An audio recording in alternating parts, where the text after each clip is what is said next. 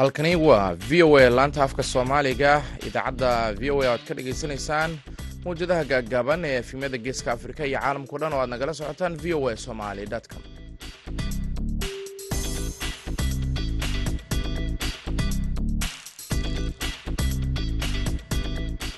Waa maalin axad ah toddobiyo tobanka bisha waa juulaay sanadka labada kun iyo labaiyo labaatanka afrikada bari saacadda waxay tilmaamaysaa kooda iyo barka duhurnimo idaacaddeenna duhurnimo ee barnaamijka dhallinyarada maantana waxaa idinla socodsiinaya anigoo ah maxamed bashiir cabdiraxmaan.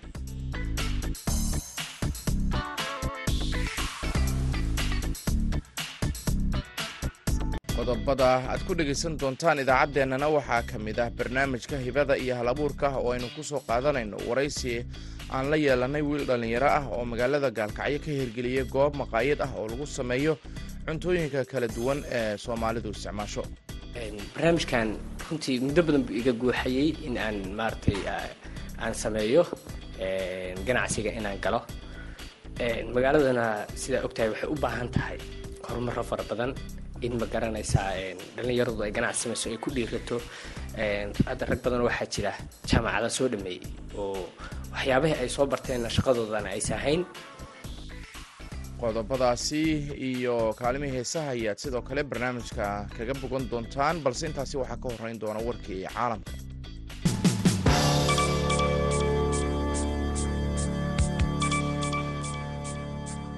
Wararka ka imanaya magaalada jowhar ee gobolka shabeellaha dhexe ayaa sheegaya in qarax xoogan uu ka dhacay maanta magaaladaasi.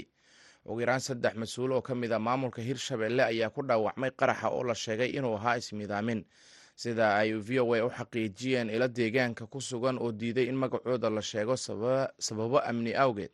Qaraxa oo loo adeegsaday gaari xamuul ah oo lagu soo raray qalabka dhismaha ayaa lagu bartilmaameedsaday hotel shabeelle oo ay degaan mas'uuliyiin ka tirsan maamulka hirshabeelle ila wareedyada la hadlay v o eda ayaa xaqiijiyey in ay dhaawacmeen in ka badan toban qof oo ay ku jiraan xubno ka tirsan maamulka iyo xildhibaanada maamul goboleedkaasi ururka al-shabaab ayaa sheegtay mas'uuliyadda weerarkan waxaana ay warbaahintoodu waa warbaahinta taageerta ururkaasi sheegtay in qaraxan uu ahaa mid ismiidaamin ah. Waa qaraxii ugu cuslaa ee ka dhaca magaalada jowhar sida ay sheegayaan wararka soo gaaraya v o a. Dhinaca kalena warbaahinta dowladda soomaaliya ayaa sheegtay in howlgal ka dhana al-shabaab uu ka dhacay dooxada jubba kaasi oo lagu dilay laba ka tirsan ismiidaaminta waa laba ka tirsan mintidiinta ururkaasi faahfaahin dheeraad ah kama aysan soo bixin howlgalkaasi iyo qaabka ah uu u dhacay. Ciidamada booliiska iyo kuwa militariga ah oo badan ayaa axadda maanta ah la dhigay qeybaha kala duwan ee caasimadda khartuum ee dalka suudaan ka hor banaanbax ballaaran oo ay qorsheeyeen kooxaha dimuqraadiyad doonka ah ee ka soo horjeeda hogaamiyaha afgembiga dalkaasi genaraal cabdilfataax al burhaan ciidamada ammaanka ayaa dhigay jidgooyooyin waddooyinka looga gudbo webiga waddooyinka looga gudbo buundooyinka webiga niil ee isku xira khartuum iyo deegaanada ku xiran sida ay warisay wakaaladda wararka a f b banaanbaxayaasha ayaa wacad ku maray in ay waddooyinka buuxdhaafin doonaan kadib maalmo xasilooni ah oo ay dadku u damaashaadayeen munaasabadii ciidul adxa ee toddobaadkii hore. Banaanbaxayaasha ayaa diidan tallaabadii uu bishii oktoobar ee sannadkii hore awoodda dalkaasi ku maruuqsaday genaraal burhaan warkii dunidana dhegeystayaal waa naga inta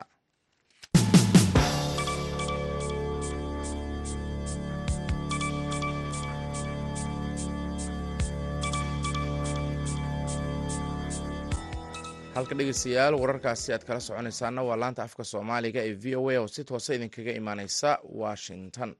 Duhur wanaagsan mar kale. Kusoo dhowaada haatanna barnaamijka hibada iyo halabuurka oo aynu ku soo qaadanayno halabuur ganacsi ee dhalinyarada oo ku soo kordhaya deegaanada soomaalida gaar ahaana waxaan idiinsoo gudbinaynaa waraysi wiil dhalinyaro soomaaliyeed oo magaalada gaalkacyo ka hirgeliyey goob maqaayad ah oo lagu kariyo cuntooyinka kala duwan ee soomaalida. Toddobaadkan waxaa barnaamijkan hibada iyo halabuurka soo jeedinaya kuna soo diyaariyey magaalada gaalkacyo cabdiwaaxid macalin isxaaq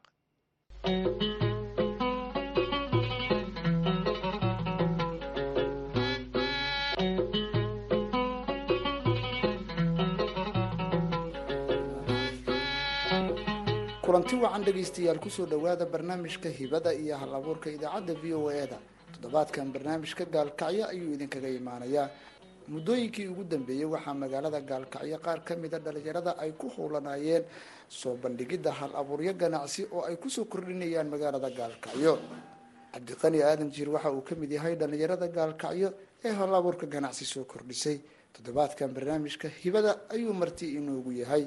V o a ku soo dhawo marka ugu horeysa marka xigtaa cabdiqani bal haddaad la wadaagtid bulshada hal abuurkan ganacsi bilowgiisii yaa kugu dhiirageliyey maxay tahay waxa aad ugu dhiiratay oo aada u furtay goobtan ganacsiga?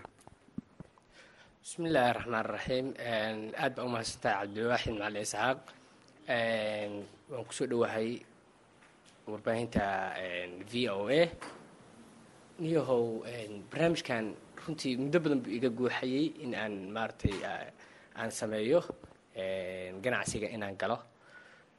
Magaaladana sidaa ogtahay waxay u baahan tahay horumaro fara badan in ma garanaysaa dhalinyaradu ay ganacsi samayso ay ku dhiirato. Hadda rag badan waxaa jira jaamacada soo dhameeyey oo waxyaabihii ay soo barteenna shaqadoodana aysa ahayn marka qaarkood maxaan ku rahdaa qaad iyo problemkoodii si maaragtay ay u dejiyaan qaad iyo waxaasay ku mashquulaan.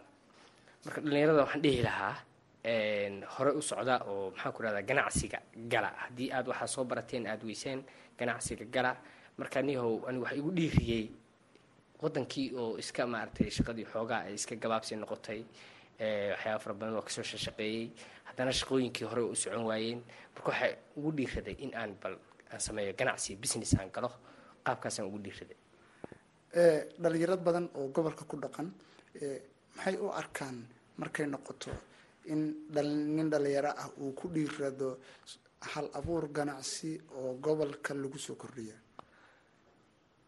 maxaa tii su'aasha iigu soo celi dhalinyaradu sidee u arkaan marka ay noqoto hal abuurka ganacsiga in nin dhalinyaraha uu gaalkacyo ku soo kordhiya wallahi niyow nin walba dadku isku maskax maaha. Isku maxaan ku isku fekerna ma aha qaar way ku qanacsan yihiin oo qaar maxaan ku idhahdaa aad bay maarata ula dhacsan yihiin. Qaar waxyaabo kale baayaa maskaxdooda ka guuxaya sida wax ay barteen oo kale. Bil matal midbaa wuxuu bartay dhakhtar. Waddankiina dhakhaatiirta ku badatay. Goobo kale ay maaragtay hosbitaaladii iyo wixiina way wada buuxaan. Marka wixii o dhan waxay noqotay dhakhaatiir bay noqotay niyaddooda marka waxaa ku jirta dhakhtarkii inuu noqdo ama dhakhtarkii uu ku shaqeeyo. Taasna waxay keentay inay wixii isku bataan. Marka iyaduna xagga ayagoo marka maskaxdooda ama niyaddooda ay ku jirto yaysan tan aysan niyadda siinin oo hamiga aysan gelin. Marka qaarna way la dhacsan yihiin oo in horey loo socdo adigu. Ama ganacsi samee ama shaqadii ay soo barteen ha ku shaqeeyaan oo ha helaan oo nasiibkooda ha ku saacido marka dhalinyadu saasay kale yihiin. Dhalinyaro fara badana hadda shaqa la'aan ah. Haddana aan ku dhiiran inay hal abuur ganacsi ay sameeyaan ama soo kordhiyaan. Iyaga ma la taliseen oo ma is aragtaan si aada ugu dhiirisaan in dhalinyaradu ay hal abuur ganacsi sameeyaan? Niyahow waan kula taliyaa aniga. Intaan arko waa kula taliyaa.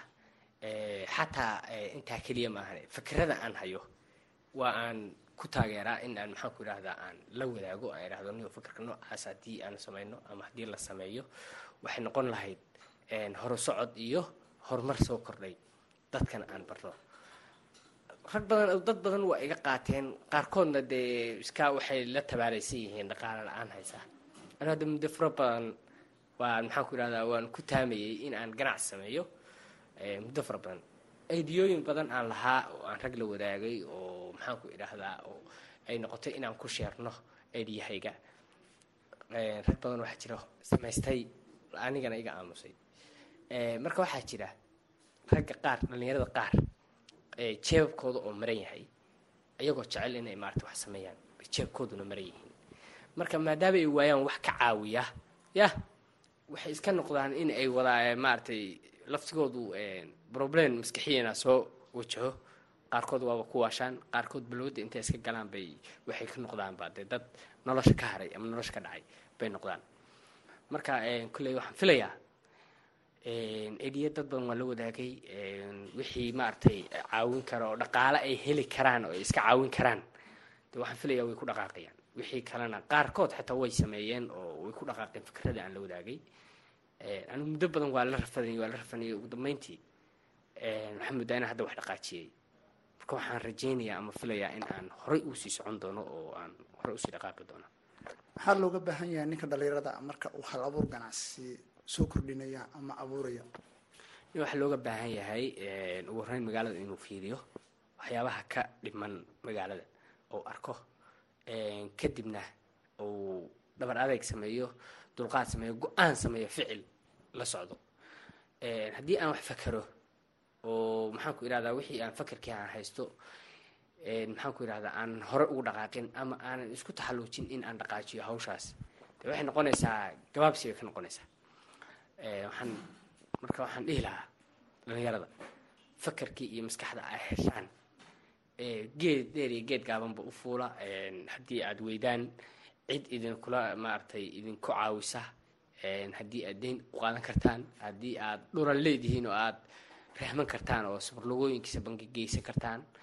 Haddii maxaan ku idhahdaa cid kale oo ay ku caawinaysaa a heshaan waxaan dhihi lahaa ka dhabeeya fakarkii idinka soo maxday horey ugu dhaqaaqa hana ka daalinina. Sida aniga oo kale hadda kama daalin muddo badan waa ku taamayay haddana waan ku taamayaa fakero badan oo iga gooxaya inaan bal aan ka miro dhaliyo mar xilliga ay noqotaba. Cabdiqani waxaa jira dhalinyarada qaar sidaad sheegtay marka ay waxbarashada soo dhammaystaan in haddana ay shaqo la'aan noqdaan.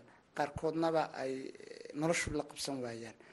Maxay tahay marka waxaa looga baahan yahay ninka dhalinyarada ah marka uu waxbarasho soo dhameeyo si markiiba hal abuur shaqo uu u helo ama hal abuur ganacsi uu u sameeyo? Waxa caqliyan fakriyan looga baahan yahay maxay tahay? Nin waxaa looga baahan yahay marka uu waxbarashadiisa soo dhamaysto haddii uu waayo tii uu soo bartay inuu ku shaqaysto ha isku dayo in uu ganacsi business ou abuuro. Noocuu doona ha ahaadee. Walow ay kabarba noqotaa ama sandaqad ay noqotaa. Wuxuuna ha abuuro wuxuuna ha isku dayo. Yuuna ka niyad jabin haddii uu waayo ama waqtiga ugu talagalay uu jeclaa in sameeyo uu waayo. Yuusa ka niyad jabin. Ha isku taxalluujiyo inuu isku adkeeyo uu ku dhabar adeego oo hore socod uu ku sameeyo. Dhalinyarada qaar baa dalka ka tahriibay markay arkeen shaqo la'aanta. Adiga nin dhalinyaraad tahay waad ku dhiiratay dhalinyarada ma isleedahay dalkii iyo dadkiiyaa u baahan fakarkoodii iyo waxbarashadii ay barteen in dalkii iyo dadka ay uga faa'iideeyaan niyo waa mahadsantaa cabdiwaaxidow hortay dadku waxay iskugu jiraan kuwa dhaqaalaha iyo kuwaan dhaqaalahayn. Haddii marka dadka dhaqaalaha haya ay dhalinyarada wixii fakera ama idea ah oo ay maaragtay ay weydiiyaan ama haddiiba ula yimaadaan. Dadku kuwa dhaqaalahayo dee way ku dhiirigelin karaan qofkan. Walow sheerba hala noqdaane. Oo iyo dhaqaalahaas anaa haye waxaasna anaa inoo samaynaye. Adigu ma ku shaqayn kartaa oo wax ma ka keeni kartaa. Dadku marka dhaqaalaha haystaayna dadku haddii faker aada xitaa ula timaadid qof ku fiirinaya ama qof fakerkaagii ama ediyahaagii tixgelinayaa ma jiro. Tiisa unbaa u dhalinyaraduna dhaqaalo maxaan ku idhahdaa ma wada hayaane. Dadku waa isku tiirsan yahay. Dhaqaalaha marka u ninkaa hayo waxay ahaan lahayd haddii uu maaragtay uu fakarka qofkan intuu helo ninkan dhalinyarada ah uu ku caawiyo uu yidhahda niyo noo shaqee waa belayskii ama goobtii ay ku habbooneyd anaa keenaya maxaan ku idhahdaa isheega wixii anaa nadaaminaya laakiin adigu dhaqaala ka soo saar. Mas'uuliyadda hadduu doona hala wadaago meesha. Laakiin inuu horta qofkii shaqo geliyo. Baa muhiim ah. Dadka marka dadka lacagta haystana waxaan dhihi lahaa oo ama dhaqaalaha jebron dhalinyarada fakeradooda yah ha tixgeliyaan oo ha ku dhaqaaqaan in ay tixgeliyaan oo maxaan ku idhahdaa ha dhiirigeliyaan. Maxaad u dooratay ganacsiga caynkan ah inaad hal abuurtid? Nihow aniga horta waxaan jeclahay xorriyadda horta ku sheegaya. Dhowr jeer dhalinyaro aan asxaab oo laftikoodu lacag haya way igu dhiirigeliyeen in aan la taariibo. Qaarkood waa taariibeen yurub baa qaarkood joogaan. Waxaa jirtay galab. Niman dhalinyaro aan saaxiib maalin barqadii inaan ishellay war waxaa cabdiqani no imo meel baan ugu tegey waan la fadhiistay waan la joogay cabaar baan la joogay.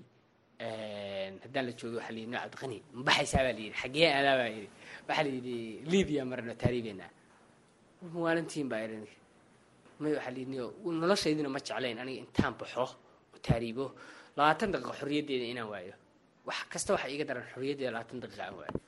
Waxaa layidhi no libyaan tegaynaa haddaad lacag la'aan aad ka gabanaysidna annagaa haynaa war waxaan idhi raalli ahaadaan gaari baan noo ingeerin bay dheheen waxaan baxaynaa galabta maqribkii baan baxaynaa hargeysaan maraynaa etoobiya baan haddana uga sii gudbaynaa gaari baa intaa noo diyaarsan oo connectionkeenu waa xiran yahay war waxaan nimay raalli ahaadaan kuli ilaha idin garab galaan idhi haddaad tegaysaan anu ma socdo meel u dhaqaaqmayo labaatan daqiiqa xorriyaddeeda waaye wax kasta iiga daran. Nimankii way tageen adiga bil waxaan dhammaynba yurub bay qaarkood maxaan ku igala soo hadleen oo massagerka igala soo hadleen iyo whatsappka. Runtii marka aan ay yurub tageen ila soo hadleenna aan laftiga niyaddeeda baa labalabayse ni haddaa iska raaci lahayd baas idhi haddaa yurub baa joogi lahayd. Haddana waxaa is idhi ni balaayada ma libiya iyo mangafihi la sheegayay iyo xorriyad darradii iyo wixii. No farahii baan ka qaaday sidii baan horta uga haray. Marka arrinku marka taariib meelkasta aad laakiin labaatan daqiiqo xorriyaddaada awida wax walba kaaga daran. Anoo meesheeda marka xorriyaddeeda haystaa waxaan ku adkaystay inaan iska joogo aan bal ganacsigii wixii iga dhiir maskaxda iiga jiray. Mar un inaan ka mira dhaliyo. Ugu dambeynta hadda waxa socdana kulli waa ka mira dhaliyay wax soo markaad fiirisid ma yahay mid noloshaada iyo qoyskaaga ku filan maadaama nin dhalinyaro ah tahay? Wallahi niyo meeshu maadaama ay cusub tahay haddii dhowr beri bay furan tahay. Afar beri maqan iyo shan beri waxay furan tahay. Meeshu way cusub tahay. Saas ay tahay cusub tahayna weli dadku si fiican umaya baran laakiin weli waxaan sugaynaa insha allah dadka waan sugaynaa customka waan sugaynaa waxaan dhihi lahaa kolley customku waxay noo soo bataan ma dhihi lahaa haddii ay v o a da dhegaystaan? Dhalinyarada qaar baa u arka in nin dhalinyaro ah hal abuur ganacsi uu soo kordhiyo. Aanay waxba soo kordhinaynin. Iyaga oo leh ganacsiga gobolka uu ka batay maxaa ganacsiga laga soo kordhina marka dhalinyarada fakarkaa qabta ka war faqarka waa qaldan yahay bas dhihi lahaa sababtoo ah ganacsi haddaad samaynaysid waddanka inkan badan baa soo gelaya dhaqaalo badan baa soo gelaya dadku waxay helayaan shaqaale helayaan baa la qaadanaya. Dadka aan shaqayn qaar baa shaqaynaya qaar baa ku dhiiranaya. Ma garanaysaa oo aan iyo maskaxdooda ku jirin amaba qaarkoodba ka faani jiray meherad iyo wax noocaas ah. Waxay ku dhiiranayaan hebel meeshu maray mar lacaguu ka helaya marka nin haddaad dhabar adeegto dhaqaalena ka hesho.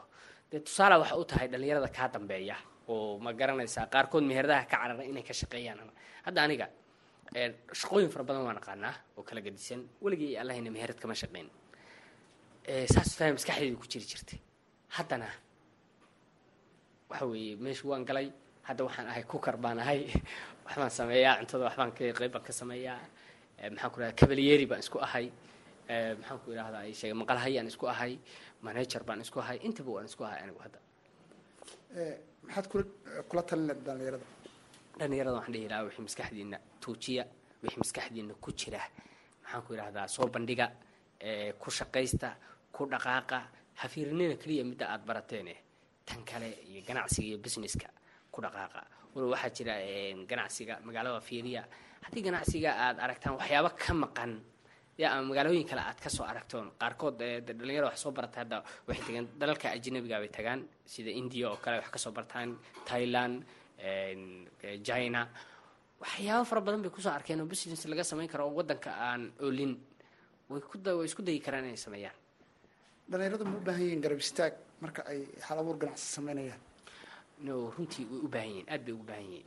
Waxyaabaha dhalinyarada qaarkood hadda ugu badankood fikradoodu way wanaagsan yihiin. Haddana waxay ka cabanayaan xag ma garanaysaa dhaqaale la'aan bay ka cabanayaan. Wax garab istaaga hadday helaan marka. Waxaan aaminsanahay in ay dhaqaaqi lahaayeen horey ay ka samayn lahaayeen kuna socon lahaayeen. Laakiin waxayse haysan wax garab istaaga soomaaliduna dee iska kolley inkastoo iska jirto mataqaanaa adeer iyo heblo heblow iska jirto. Haddana dee qoys waxaa jira in adeerkood ama adeerkood maxaan ku idhaahdaa aan dhaqaala haysan oo aan garab istaagi karin. Marka waxaan dhihi lahaa soomaalida kole weligeed waa isku tiirsanayde adoo qabiil adoo qabiil iyo cidna u eegin qofka shaksi ahaantiisa bini aadamku waa resource shaksi ahaantiisa ba wax laga yaabaa inuu meel adag kaaga soo baxo haddii aad caawiso. Waxaan dhihi lahaa hal is caawiyo. Hana la garab istaago hana la dhiirigeliyo ma jirtaa wax caqabadaha aad kala kulantay hirgelintan xaruntan? Daal badan waan kala kulmay horta. Haddaan kuu sheego daal fara badan. Weligay allahay in aan saa u taagnaan iyo kolley shaqo way jirtaa subaxdii intaan u baxo hal saac oo kale aan galo sagaalka saac ama tobanka saac oo kale aan ka soo baxo intaasna aan taagnaanayay haddana waxaas ma iguma ahayn aniga daal iyo culays iguma hayn laakiin tan markaan soo galay runtii been kuu sheegmaya daal fara badan baan dareemay caajis fara badan baan dareemay. Mar niyadda waa iska yiri maxay ahayd waxaa kan waaba dhimashe waxa kaa sugalay waaba dhimashaniyo faraha ma ka qaadaa. Haddana waxaa isiriniyo waxaan waa la qabsanaysaaye qof walba ay waxaas wuu maraye marba aan waa itixaame marka kolley hadda adigu itixaamkii baan weli ku jiraa. Itixaamkiina weli kuma guuleysan laakiin waxaan filaya inaan ku guuleysan doono waana hore u dhaqaaqi doonaa caqabadahayga taasaa iga mid ah ii timid igu adkayd caqabadaha marka ay ku soo wajahaan tala iyo tusaalooyin bulshada kaaga imaanayo oo hanaanka looga gudbayaa ama jiraan gaar ahaan dhalinyarada. Ne way jiraan. Dad badanoo waxaa jira iyo dhalinyaro badanoo waxaa jira. Yidhaahdaa waxa kan maadaama aadan ka shaqayn jirin way kugu cusub tahay. Waad la qabsan doontaa. Murqahaagii iyo kulli waa iska way fidi doonaan way kala bixi doonaan waad adkaan doontaaye shaqadaada wado oo ku jir oo u dhabar adeeg dulqaad bayna u baahan tahay maadaama meesha hadday cusub tahayna waqti badan waxay u baahan tahay dulqaad ah. Dulqaadka samee. Aniga runtii dhiirigelin way noqotay qof walba ay waxaan uu soo maray baa la yihahdaa ganacsi galay. Si u taagnaa uu ku rafaaday aakhir taamkii uu ka gudbay wuxuu noqday asaga in loo shaqeeyo oo maxaan ku ihahda asagoo gurigiisa iska jiifo loo shaqeeyo. Shaqaala yeesho marka dhiirigelin bay ii noqotay laftigayga waa runbaa arrintaas waa jirtaa waa sax. Ku dhabar adeeg inta meesha kugu kala kacayso. Kolley haddana insha allah waxaan sugayaa inay noo kala kici doonto durbeedno aad baad adaa kaa waa kaa qaaday cabdiwaahid intaas ayaan ku soo gabagabeynayaa barnaamijkii hibada iyo hal abuurka. Toddobaadkan barnaamijka waxaa marti iigu ahaa cabdiqani aadan jiir oo ka mid a dhalinyarada magaalada gaalkacyo. Dhowaanna hal abuur ganacsi ku soo kordhiyey magaalada barnaamijka hibada iyo hal abuurka intaa ayaan ku soo gabagabeynayaa anigoo cabdiwaaxid ayaa barnaamijka toddobaadkan idinkaga soo jeedinaya gaalkacyo. Ismaqal dambe oo xiisa leh.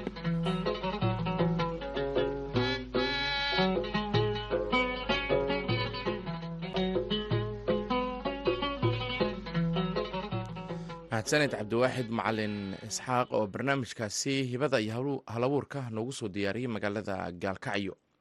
Markana jowhar wararka ka imanaya magaalada jowhar ee gobolka shabeellaha dhexe ayaa sheegaya in qarax xoogan uu ka dhacay magaalada. Maanta ugu yaraan saddex qof ama saddex mas'uul oo ka tirsan maamulka hirshabeelle ayaa ku dhaawacmay qaraxan oo la sheegay inuu ahaa mid ismiidaamin ah.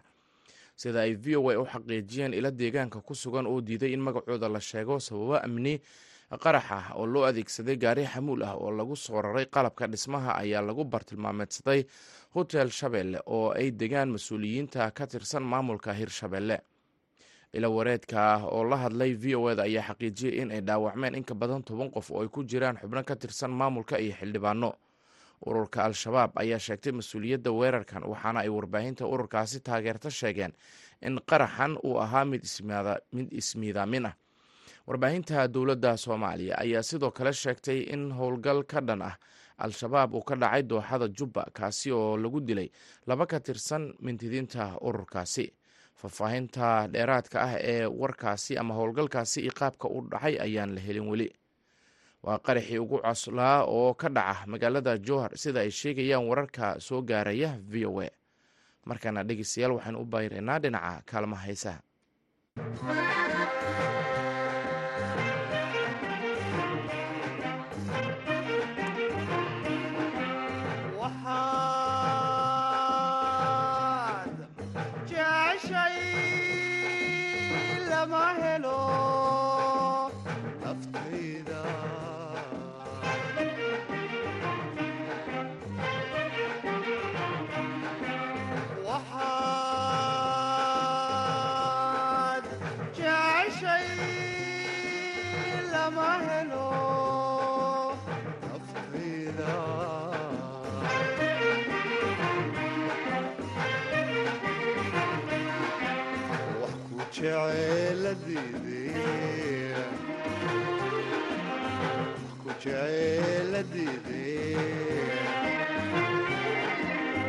ma og tahay jannadawdu nima jiriibu soo marin sahalama dhex jooje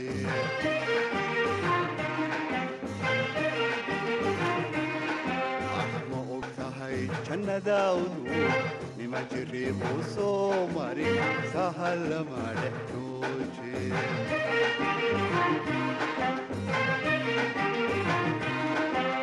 haddaad jamato geedadaad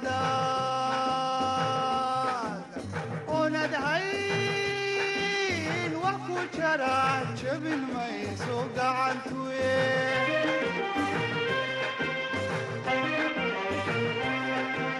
haddaad jamato geedadaad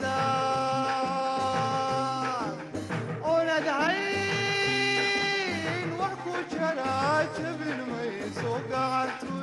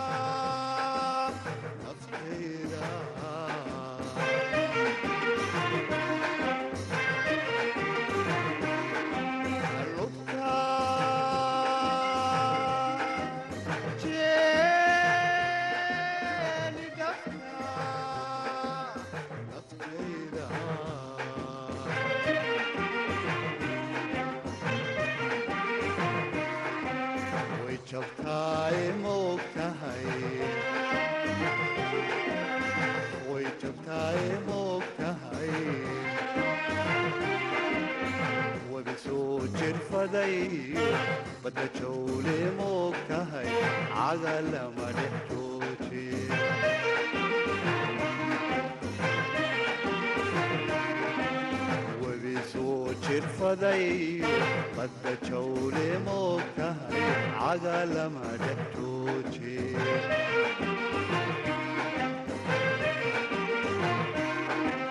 haddaad jabato cadowga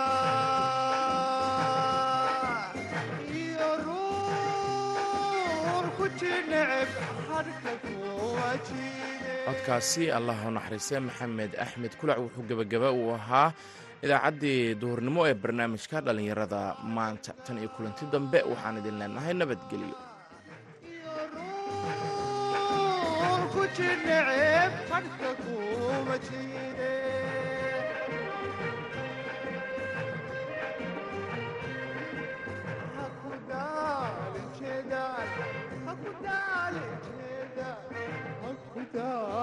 hakudaalin jedaal hakudaalin jedaal indhasoo majida qalbiga janjera